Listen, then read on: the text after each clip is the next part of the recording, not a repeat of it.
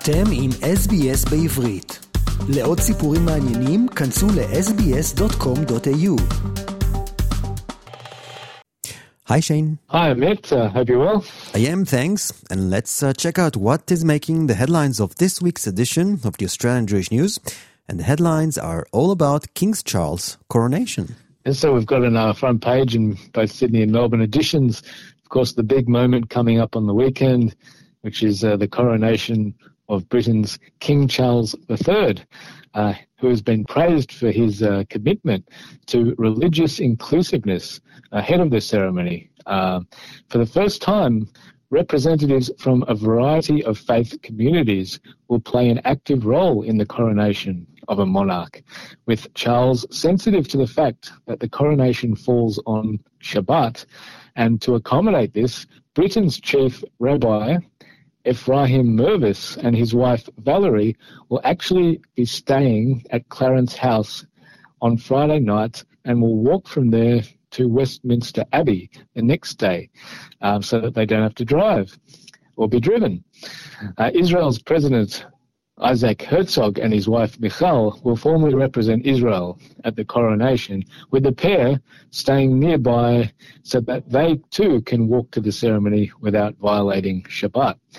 At the end of the coronation, the multi faith leaders, including Rabbi Mirvis, will deliver a greeting in unison to King Charles, declaring that as neighbours in faith, we acknowledge the value of public service.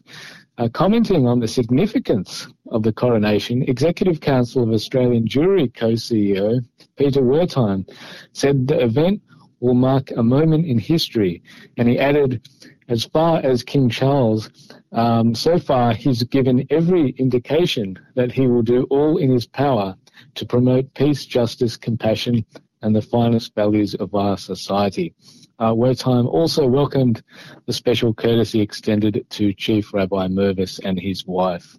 The monarch has enjoyed a good relationship with the Jews of Britain over many years and has taken a keen interest in Holocaust remembrance as well.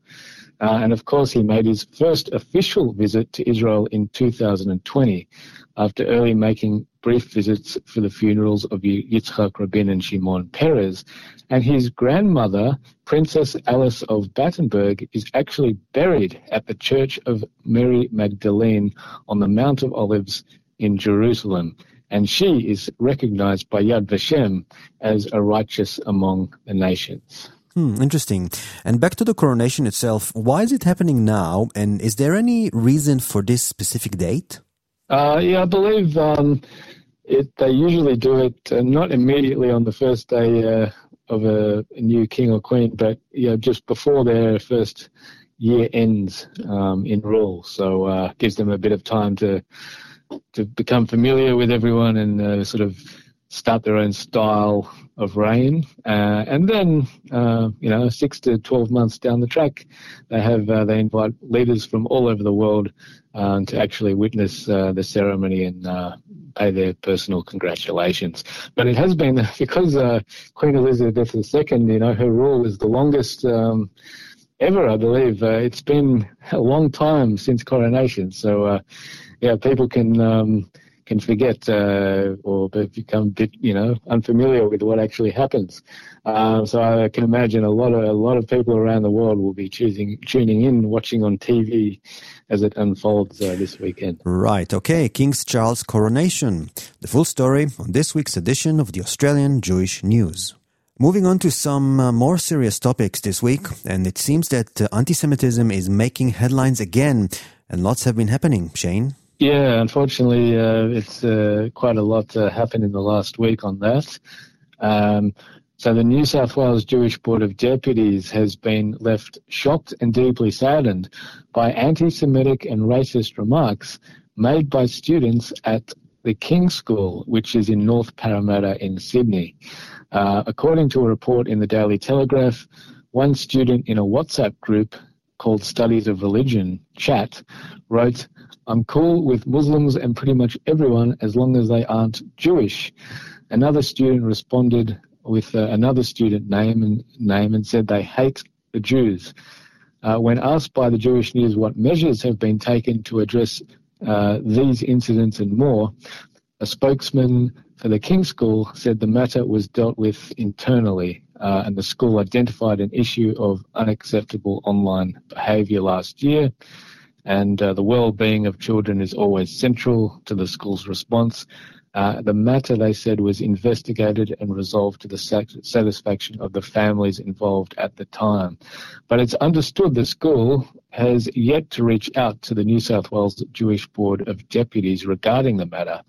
Uh, its CEO, Darren Bark, said the vile comments are yet another indication that our students are not getting the message that hate has no place in our society. Uh, CEO of Courage to Care, Ed St. John, told the Jewish News that the increase in reported incidents of anti Semitism, discrimination in Australian schools really underlines the need for a systematic approach to anti discrimination education. Uh, now, in Melbourne, uh, a Nazi swastika has been found carved into a glass wall near the entrance to Sandringham College's school hall. Uh, the Anti-Defamation Commission was alerted to the vandalism by a parent at the school late last week who was shocked by the symbol. Uh, ADC Chair Dvir Abramovich said that drawing the Nazi swastika inside a school um, where students and staff of all ethnic and religious backgrounds should feel safe and welcomed is beyond indecent and another reminder that we have a lot of work to do to educate young people about the dangers of intolerance. Uh, the Jewish Community Council of Victoria President Daniel Aghion urged Sandringham College to act swiftly to remove any anti-Semitic or extremist symbols from school property to avoid causing harm to students and the broader school community. And they'll be writing to the principal of the school also. Uh, the principal, Amy Porter, told the Jewish News uh, there was a lighting issue, uh, dim lighting, that caused the swastika to go unnoticed by staff at the time. Uh, uh we don't have any CCTV or anything in the area, she added, and it was probably done overnight, potentially during school holidays, so we can't actually pinpoint when it was done. Porter also noted that she spoke with uh, uh, Dvir Abramovich about how to deal with the issue uh, going forward. Uh, some good news on the uh, anti Semitic issue in Victoria is that starting this term, all Victorian government school teachers will now have access to free on demand specialised anti Semitism training. Uh, it's going to be coordinated by the Jewish Community Council of Victoria uh, together with the Victorian Department of Education, and it's believed to be the first of its kind in Australia. The program will be available on the department's uh, website, which provides learning and teaching resources to Victorian teachers who will have the opportunity to opt in to complete the anti-Semitism uh, training and education. Um, so that's a positive move for teachers um, on how to deal with incidents uh, as they unfold. Uh, and one other thing I should quickly mention on the topic is unfortunately in Tasmania, a Tasmanian government minister uh, has he's declared he won't be intimidated uh, after vandals scrawled a swastika and initials SS on his office last week. Uh, so Felix Ellis's office in Ulverstone, which is on the north coast of Tasmania, was targeted last Thursday night in the middle of the night. Uh, Hobart Hebrew Congregation President Jeff Schneider said no one should be confronted with these hateful symbols, and he thanked Minister Ellis for speaking out against anti Semitism. It's understood police uh, continuing um, to investigate uh, who may have um, done that.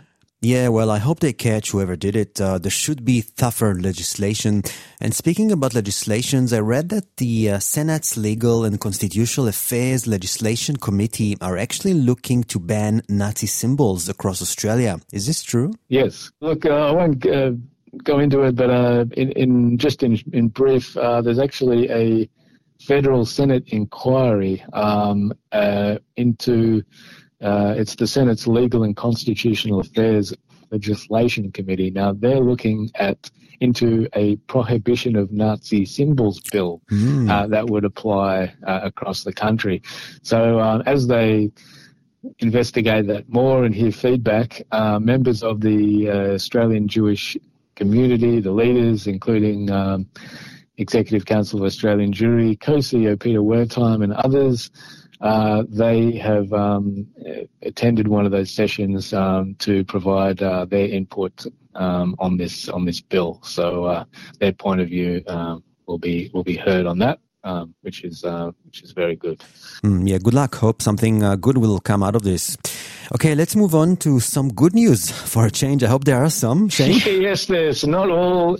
There is bad news, but it's not all bad news. Uh, so going on to the good news now. Uh, of course, we actually it's just timely in this week's edition of the Jewish News. We have a, a two-page uh, story about uh, its program's usual host, Nitza Lowenstein, uh, marking celebrating her 35 years uh, hosting uh, the program. Uh, first on 2E, 2EA radio in Sydney, which was uh, then just a new part of SBS. And for 35 years, but she's been a journalist, a broadcaster, programming executive, and host of the program. And uh, believe it or not, she also does other things as well during the week uh, for many years as well, including being a marriage, uh, civil marriage celebrant. And also she does public speaking uh, for many organizations. Uh, so uh, it's all about that. But congratulations and mazel tov to Nitza uh, for 35 years. Yes, mazel tov, Nitza. On SBS Radio. Nice. we also have some, yes, we also have some um, interesting news from Israel. Uh, Melbourne, uh, the city of Melbourne, has been chosen as one of 14 consultation centres around the world in the initial consultation stage of Israeli President Isaac Herzog's Voice of the People initiative.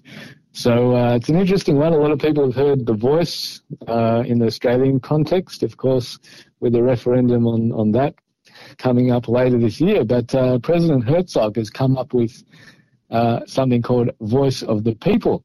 Um, so that's a plan for a global consultation with world Jewry and the landmark establishment of a worldwide Jewish advisory council under the office of the president. He announced this on April 23 to representatives of the Jewish Federations of North America. Uh, now, he's brought on the board of the Jewish Agency for Israel and the World Zionist Organization as key partners in, in this. And this advisory council will, will advise the president on the core challenges of the Jewish people. Uh, so the uh, initiative will be a timely and important vehicle for dialogue and collaboration, not just between Israelis and the diaspora, but also between diverse communities across the diaspora. Zionist Federation of Australia President Jeremy Leibler said this week, and we welcome the initiative's partnership and the President's decision to hold over a dozen consultations around the world, including in Australia. And he said this isn't a public relations exercise, but real dialogue, and we look forward to engaging fully in the process. Wonderful. We always like to finish with uh, positive news. And of course, uh, you can read all of that and more in this week's edition of the Australian Jewish News. Shane Desiatnik, thank you so much and speak to you next time. Oh, you're welcome. My pleasure. עקבו אחרינו והפיצו אותנו דרך דף הפייסבוק שלנו.